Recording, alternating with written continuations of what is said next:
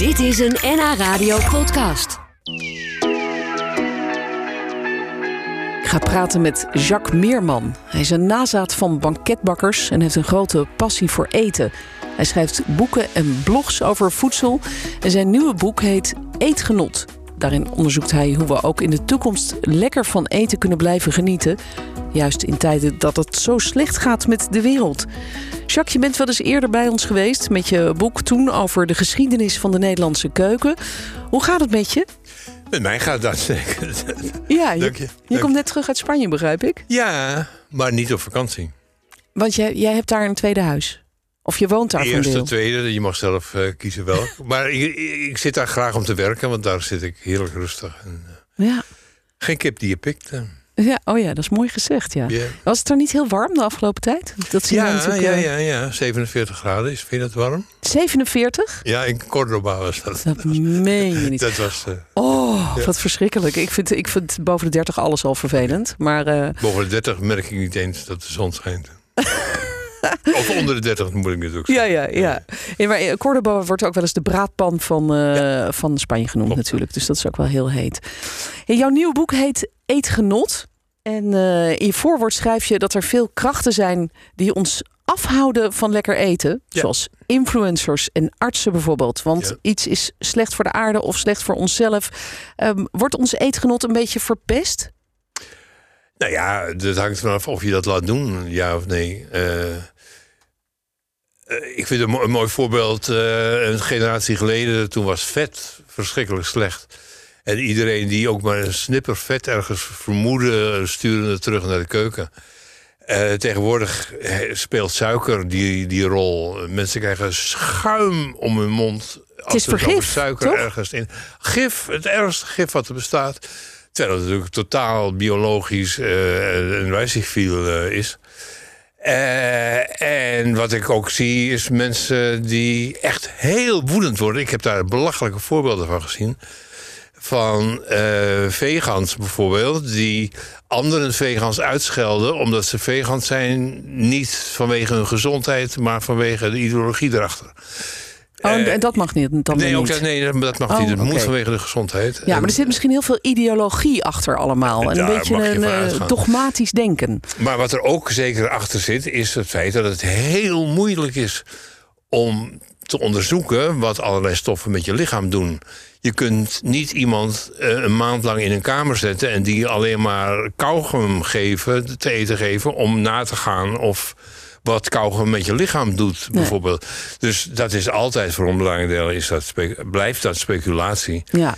En eh, dat maakt het heel moeilijk om goede uitspraken te doen over wat goed is voor een mens en wat niet. ja, en het verschilt ook per mens natuurlijk dat nog eens een verschilt ook heel Want- sterk per mens. Ja, er zijn natuurlijk ook ja, mensen ja, die niet tegen melk kunnen bijvoorbeeld. Of die eh, niet tegen schaaldieren kunnen. Dat ze een allergie hebben, zoiets. Hey, in jouw name boek... but a few, ja. Ja, precies. In je boek onderzoek je hoe wij ook in de toekomst lekker kunnen blijven genieten van voedsel. En daarbij schrijf je, is het mondgevoel heel belangrijk. Dat leg je uit aan de hand van eh, verschillende soorten pasta. ja. Dat vind ik wel grappig. Hoe, hoe werkt dat? Kun je dat eens vertellen? Nou ja, we hebben eh, met een paar mensen een proef gedaan. eh, zelf een paar pasta's gemaakt. Van verschillende Italiaanse bloemsoorten. En één pasta uit de, van de Albert Heijn. En we hebben een aantal sauzen gemaakt. En die hebben we samen gecombineerd tot negen verschillende pasta gerechten. En gekeken van hoe reageert iedereen daarop. Pasta is pasta, zeggen ze altijd. Dus, Maar nee. eh, m- meel en water en dan heb je het wel zo'n beetje gehad. Eh, maar dat is dus helemaal niet zo. Het, eh, Het blijkt dat de vorm van de pasta verschrikkelijk veel uitmaakt voor wat je daarbij voelt en geniet. En wat is en voor jou is de favoriete smaak, dan, dat, is- dat is mondgevoel. Ja, en wat is voor jou dan, wat is de lekkerste? Of de, de... Nou ja, ik, ik ben toevallig heel bij de erg microfoon blijven? Ik ben toevallig heel erg dol op eh ansjovissaus. Dus Mm. die maak ik graag. En die heb ik ook met verschillende pasta's gemaakt. En als je die maakt met spaghettini bijvoorbeeld, die hele dunne Ja. draadjes, dan is het een soort nuffig meisjesgerecht. En als je die maakt met, een, met, lingus, met linguine, die dus veel, veel dikker zijn, dan Dat wordt het een favoriet. beetje boeren, Ja. boerenknullig gerecht. Nou, dat vind ik heerlijk. En Linguine gewoon, met, gewoon, met een, een gewoon spaghetti, die Ja. zitten dan tussenin. Ja. Ja. Oh ja. Hey, e- eten is natuurlijk heerlijk en, en genieten is fijn. Maar, dat schrijf je ook heel duidelijk in je boek... er is natuurlijk wel wat aan de hand in de wereld. Ja. En we moeten misschien toch wat minder gaan consumeren. Wat minder vlees eten bijvoorbeeld. Eh, hoe, hoe, eh, hoe sta jij tegenover, eh, over, tegenover dat principe? Want eigenlijk jouw boek balanceert een beetje op de twee. Enerzijds genieten van eten, anderzijds is er ook de toekomst. Ja, nou ja, voor mij is, is de zaak totaal duidelijk. Mensen zijn eh, alleseters, omnivoren. Dat betekent dus dat ons gebit en ons eh spijsverteringsorgaan is afgestemd op zowel eh, vlees als groente. Of als planten, moet ik zeggen. Eh, en in wezen mag je van mij de verdeling maken zoals je dat zelf wil. Als je om welke reden dan ook vindt dat je minder vlees moet eten, dan mag dat, moet je dat absoluut en nu meteen doen. Ja, En andere mensen die hebben veel grotere behoefte aan vlees en die moeten dat ook kunnen doen. Ja. Eh, al het andere is kunstmatig, naar mijn stellige overtuiging. En wat bedoel je dan? Wat, eh, wat is er kunstmatig? Nou ja, eh, ideologisch bijvoorbeeld. Ehm, Denk jij niet dat het beter is voor de wereld als we allemaal wat minder vlees zouden eten, bij wijze van Ja, spreken? maar dat, dan zit je niet te genieten. Als je zit Nee, na te denken over, eh, over wat er goed is voor de, eh, voor de mensheid... dan zit je natuurlijk dan ben je met iets heel anders, ben je met godsdienst Ja, ja, ja. bezig... maar niet met eetgenot. Ja, ja, Ook dat is een keuze die je, die je, zelf, die je zelf moet maken. ja. Eh, maar hoe je- sta als je tegenover de quinoa-burger en, en, en soja-yoghurt bijvoorbeeld? Nou, die soja heb ik wel eens geprobeerd. En dat, is, eh, dat was ook gelijk de laatste keer. Eh, eh, die eerste, die je noemde ook je quinoa. Quinoa-burger? Ja, die heb ik ook wel, ook wel eens geproefd. En als, ik- als ik dan zeg, vind ik dat nou lekkerder dan iets anders? Nou, nee, niet Nee. speciaal. Nee, nee. Dus, dus je houdt het toch gewoon op, op een, een goed stuk vlees. Wat, wat is voor jou echt iets waar je enorm genot uit haalt als je, als je denkt aan Eh, eten? varkenswangetjes bijvoorbeeld. Oh ja. En dan drie uur gesudderd in rode wijn. En eh tuitje erbij, knofje Ja. erbij. Is dat- Nou, dat... is smullen hoor. Ja, is dat ook iets wat in Spanje veel gegeten wordt? In Spanje wordt dat veel gegeten. Ja, hè? want hier Ja. zie je dat eigenlijk bijna niet meer, toch? Waar koop je Nee, nou nog goede slager varkenswangetjes? kun je, kun je gewoon krijgen hoor. Ja, ja, oké. Ik praat intussen nog even verder met Jacques Meerman. Hij is hier met zijn boek Eetgenot, zo heet het. Daarin onderzoekt hij hoe we ook in de toekomst van lekker eten kunnen blijven genieten. En wat dat eigenlijk is, eetgenot. Nou, eetgenot, dat is in elk geval niet fruit kopen uit de supermarkt. Want dat is ook in mijn ervaring heel vaak ja, gewoon niet rijp. Het is gewoon, ik heb nu net weer nectarines gehaald. En die zijn gewoon kei en keihard. Is dat ook jouw ervaring? Ja, dat is absoluut mijn ervaring. En ik vind het een schande, werkelijk, dat zo'n club als bijvoorbeeld het voedingscentrum, dat die daar niets tegen doet. Die loopt er totaal aan de, aan de hand van de grote, grote eh, win, eh, Maar wat zouden ze kunnen winkelketens. doen dan? Want Die- voor, voor wie dat belangrijk is. Want dan, als je ze hard in je winkel legt. en je kan mensen wijsmaken dat ze hard moeten zijn. dan, dan bederven ze niet, ze beschadigen niet. Je kunt ze de hele tijd laten liggen zonder dat je ze weg hoeft te gooien. Dus dat hebben allemaal op zichzelf ook belangrijke voordelen. Dat, Ja, ik. Zie, ik zie wel waarom, zij die keuze maken. Alleen als dokters klagen dat kinderen te weinig fruit eten. dan weet ik wel hoe dat komt dat kinderen te weinig fruit eten. Als ik kind was, zou ik het ook niet doen. Nee, nee. Je schrijft in je boek dat eetgenot ook tussen de oren zit. Wat bedoel je daarmee? Dus eten is niet alleen maar gewoon dat het lekker eten is, dat het lekker ruikt en lekker smaakt en dat het eh, een lekkere vorm heeft, maar ook dat het tussen de oren zit. Eetgenot zit alleen maar tussen je oren. En dat heeft het gemeen met alle andere vormen van genot, die ook, ook niet beginnen. eh, ze beginnen misschien met signalen uit je handen.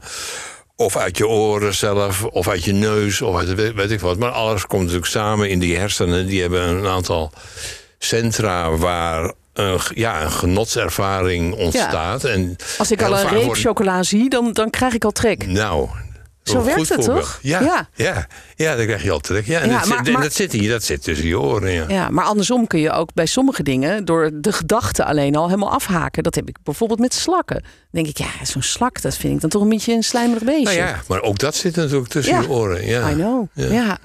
Ja. en je schrijft ook dat niemand graag oogjes eet van dieren. Toen dacht ik, ja, nee. ja, dat begrijp ik dat, dus niet. dat begrijp jij niet. Nee.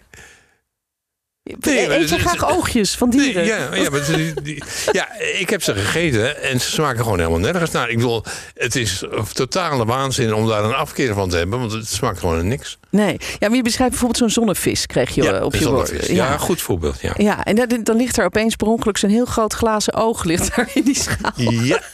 En dat is voor mij toch die reden om te zeggen, chef. aankijken. Ja. En verwijtend ook nog. eh. ja, ja. En die heb jij gewoon opgegeten? Ja, het heeft tien minuten geduurd voordat ik mij. Want ik heb die weerzin natuurlijk precies hetzelfde. Ja. Alleen ik schrijf boeken, dus ik moet eh, over dat soort kleinigheden moet ik heen kunnen stappen. Ja, Dat en heb hoe ik ook was het? uiteindelijk gedaan. En ja, eh, ik had eerst aan een eh, schoonzusje gevraagd, die is huisarts, of was, was huisarts, hoe waaruit een oog eigenlijk bestaat. En zij kon me vertellen, ja, dat is gewoon puur eiwit. Nou ja, puur eiwit. Wat, wat- Oké dan. ja, Oké, dan. Daar ging dat- het verwijtende oog. Daar ging het verwijt een oog, ja. Ja? Ja. En hoe was het? Ja, niks. Dus. Oh, oké. Het is een soort, eh soort Haribo-snoepje. Maar dan wat, wat zachter en, eh, en, niet, en zonder chemisch smaakje. Dus dat is dan weer het voordeel van een oog boven eh, Haribo-snoepje. Goed, nou, je krijgt mij nog niet zo ver dat ik dat ga eten. Oké. Haribo-snoepjes wel? Ja, dat dan Ja, maar er wel, zit ja. natuurlijk chemische rotzooi zit daarin. Ja, ja. En wat En, doet... en dat vind je dan niet erg. Nee, En dat, dat snap ik toch niet zo vreselijk goed hoor. ja, het, maar dat gaat weer... Dat is dat tussen de oren. Ja, Iets is een eng ja, idee. ja, Zo'n ja. oog wat je verwijtend aankijkt om dat op te eten. Nee, dat gaat er niet in. Net zoals oesters Mag, mag moeten ik veel nog, mensen nog, één dingetje zeggen over, dat, over het genot en, het, en met eten en toekomst en het hele complex? Ik wil het wel even kwijt. Ehm, Als je een beetje dicht bij de... ik denk dat het ver- vermogen tot genieten heel belangrijk is om je, jezelf staande te houden in moeilijke tijden. Eh chocola, is daar natuurlijk een perfect, eh, perfect voorbeeld van. Eh, Je hebt, het, je hebt het moeilijk. Je Ja, eet een stukje chocola en je voelt je gewoon lekkerder. Zo Nou, is het ook. dat is, gebeurt natuurlijk ook met eten in het algemeen. Wat, wat jij lekker vindt en waar jij van geniet. En eh, ik ben er ver- heilig van overtuigd dat wij, zo niet wij zelf, dan wel onze kinderen, CQ kleinkinderen. Het in de toekomst heel moeilijk gaan krijgen met de kli- klimaatrampen en de, Ja. en de toestanden.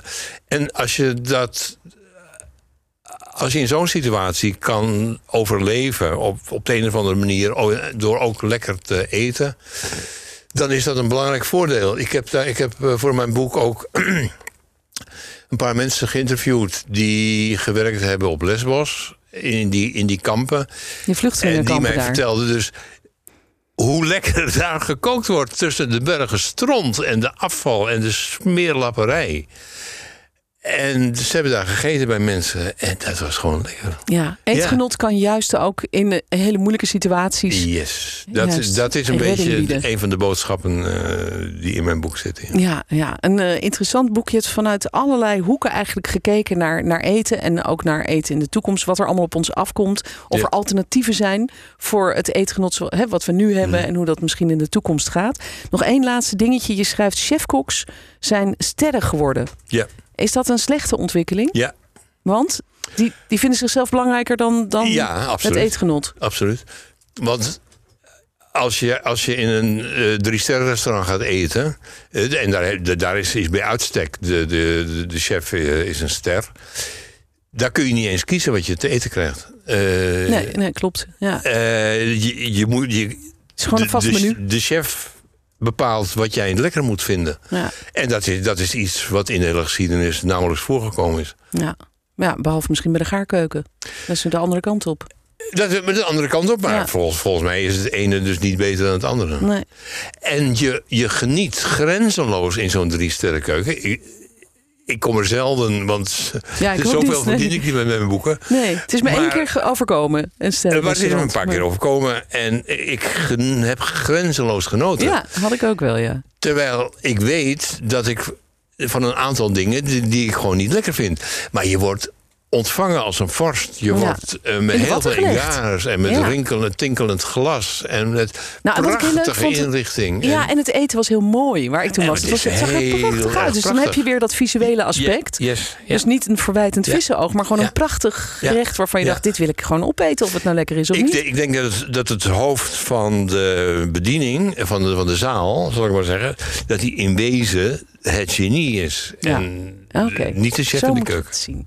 Interessant. Nou, Ja. er, heel veel mooie verhalen staan er in jouw boek. We zijn nog niet eens aan toegekomen over wat kannibalen vertellen over hoe mensenvlees smaakt en wat het lekkerste deel is Vraag van de er niet mens. naar, want ik ben niet meer te stuiten. Dankjewel, Jacques, voor jouw komst naar de studio. En dank jullie ook.